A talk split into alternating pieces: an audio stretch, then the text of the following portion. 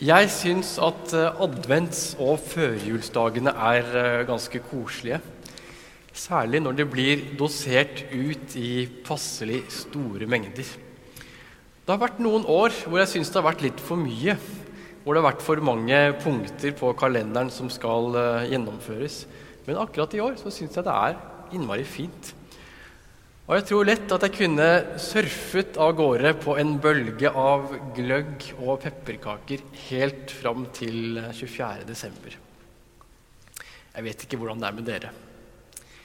Men så er det sånn at jeg er forplikta som prest, og menneske kanskje, til å lese alle adventstekstene.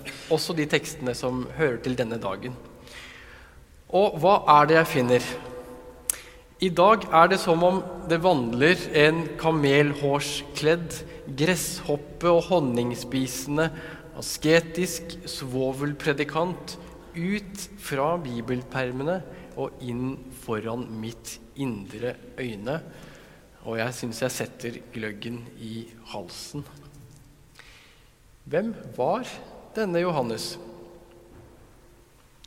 Johannes stilte seg ikke opp på torget. Tvert imot. Han dro ut i ødemarken. Og i ødemarken, der er det øde. Der er det stille.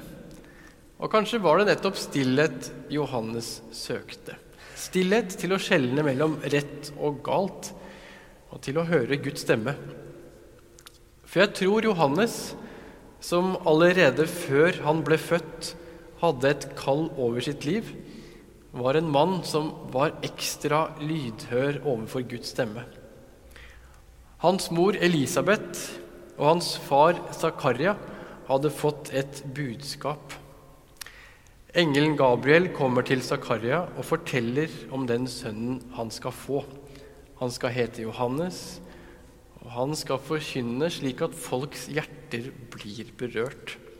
Han skal være den som rydder vei for Messias. Intet mindre.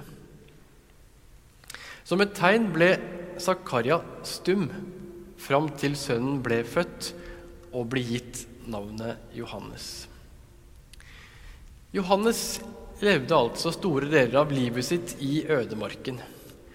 Og kanskje var det fordi han trengte å være skjerpa. Han måtte ha ro til å høre Guds stemme når det virkelig gjaldt. Men som vi har hørt i dagens tekst, selv det var ikke nok til å gjøre han sikker på at Jesus var Messias. Et av de mest kjente sitatene fra Pascal er at menneskets største problem er dets manglende evne til å sitte i et rom og bare være stille. For når vi er stille, da kommer alt det som er ubehagelig i livene våre, frem. All ensomhet og skam. Alt slagget fra fortiden. Og Derfor er det mye lettere å la seg distrahere og surfe på en bølge av gløgg. Men i advent så er Johannes stemmen som setter oss på rett spor. Han bruker svovelpredikantrøsten sin til å rykke folk ut av distraksjonen. Og i sin tid så trakk han altså folk ut i ødemarken, hvor han forkynte og døpte mennesker. Ødemarken skal juble og blomstre, står det i Jesaja. Og det må ha vært noe helt bemerkelsesverdig ved Johannes som fikk folk til å blomstre i ødemarken. Og jeg ser for meg at de kanskje først kom i små grupper, nysgjerrige på hva denne litt spesielle mannen gjorde der ute. Og hva er det han forkynner? Vend om, for himmelriket er kommet nær.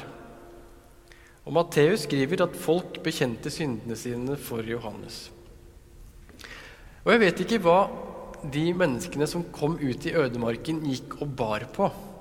Men jeg antar at de som oss hadde sine sorger, sine kamper, sine avhengigheter. Kanskje levde de i undertrykkende relasjoner, og kanskje ble de like mye drevet av egoisme som oss, og kanskje bar de også på skam og skyld. Og så kommer de ut til denne mannen i ødemarken, en som sier Bekjenn din synd og begrav alle dine sorger i dåpen. Legg fra deg det som tynger, bli et nytt menneske, stå opp til nytt liv. Og folk må ha opplevd at livet ble litt nytt. Litt lettere skuldre etter å ha bekjent syndene sine. For det står at de strømmet til fra Jerusalem og hele Judea og landet omkring Jordan. Og i Jordanelven ble de døpt av Johannes. Men så er det det. Johannes døper med vann, og vann er vel og bra. Det skjer en endring i folks liv, men han som kommer etter, døper ikke bare med vann, men med Den hellige ånd og ild. Johannes er opptakten. Jeg har tenkt en del den siste uka på denne teksten. Og jeg har tenkt Finnes det egentlig noen Johanneser i mitt liv? Er det noen som rydder vei, noen som forbinder meg med troen og Jesus, setter meg på sporet? Og når jeg har tenkt meg om og sett litt tilbake på mitt eget liv, så kommer jeg på flere personer og hendelser. Og det er ingen av disse som ligner særlig på Johannes i det ytre, slik som jeg ser han for meg.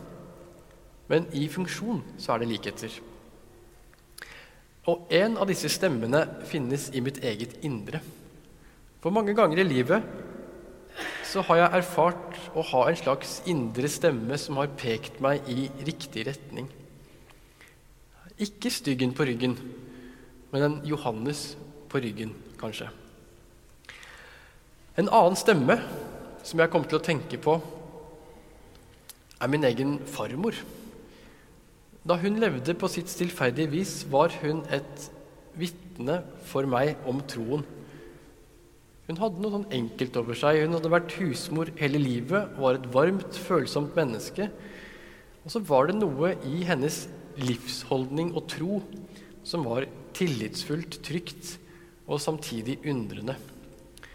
Og Jeg vet ikke om det var lukten av vafler, rent sengetøy og sang ved sengekanten 'Ingen er så trygg i fare', som bidro til det johaneiske for meg.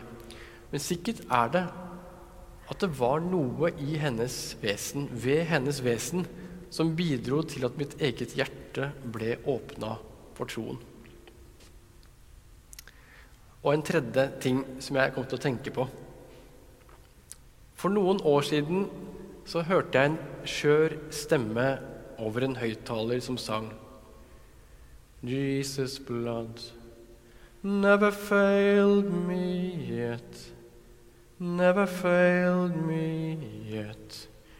It's one thing I know, for he loves me so. Jesus' blood never failed me yet. Kanskje noen av dere har hørt det. Denne stemmen går igjen og igjen og igjen og igjen.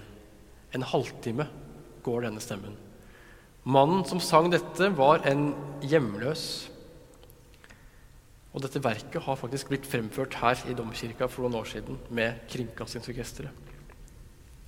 Gavin Bryers, som lagde musikk ut av dette, har beskrevet hele prosessen med å lage komposisjonen. Vi er i 1971, og han jobber med en kollega om en film som handler om folk som levde et hardt liv ved Elephant and Castle og Waterloo Station. Og mens de filmet på, utenfor T-banestasjonene, så kom det mange fulle mennesker som brøt ut i sang. Noen ganger så var det utdrag fra operaer. Andre ganger var det sentimentale ballader. Og så kom det en mann som ikke var full, som sang sangen 'Jesus Blood Never Failed Me Yet'.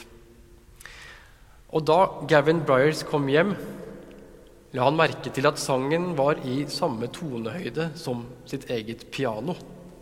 Og han improviserte et enkelt arrangement så la han merke til at de 13 første taktene de kunne bli en loop som lett kunne spilles av. Han tok med seg lydbåndet til Lester og jobbet videre med å gjøre det om til et kontinuerlig lydbånd. Og så funderte han på å legge til et orkesterarrangement. Dørene ut fra studioet hvor Bryers jobbet, ledet til et malerstudio. Han gikk ut for å hente seg en kopp te, og da han kom tilbake, så oppdaget han at det rommet som vanligvis var så livlig, var helt stille. Folk bevegde seg mye mer langsomt enn de brukte å gjøre, og enkelte satt alene og gråt. Bryers lurte på hva som hadde skjedd, og forsto at det var lydbåndet med den gamle hjemløses sang som hadde gjort noe med dem. Og kanskje var det ord og en stemme som gikk inn i disse menneskenes egne ødemarker, inn i deres indre landskap. Og selv kjente jeg tårene i øyekroken da jeg hørte dette stykket første gang. Ordene kommer fra levd liv. Det låter så oppriktig og sant at jeg ble minnet om troens enkle og sanne kraft. Tilgivelsen som finnes ved korset, og Jesu blod. Det nye livet vi har fått i dåpen. Et liv som aldri blir tatt fra oss, men som vi stadig trenger å finne igjen. I Johannes dager måtte de ut i ødemarken. Men i våre dager så er det slik at Gud har funnet veien inn i vårt indre. For vi har det. Gud er med oss. Men vi trenger alle Johannesene til å minne oss om det, til å sette oss i kontakt.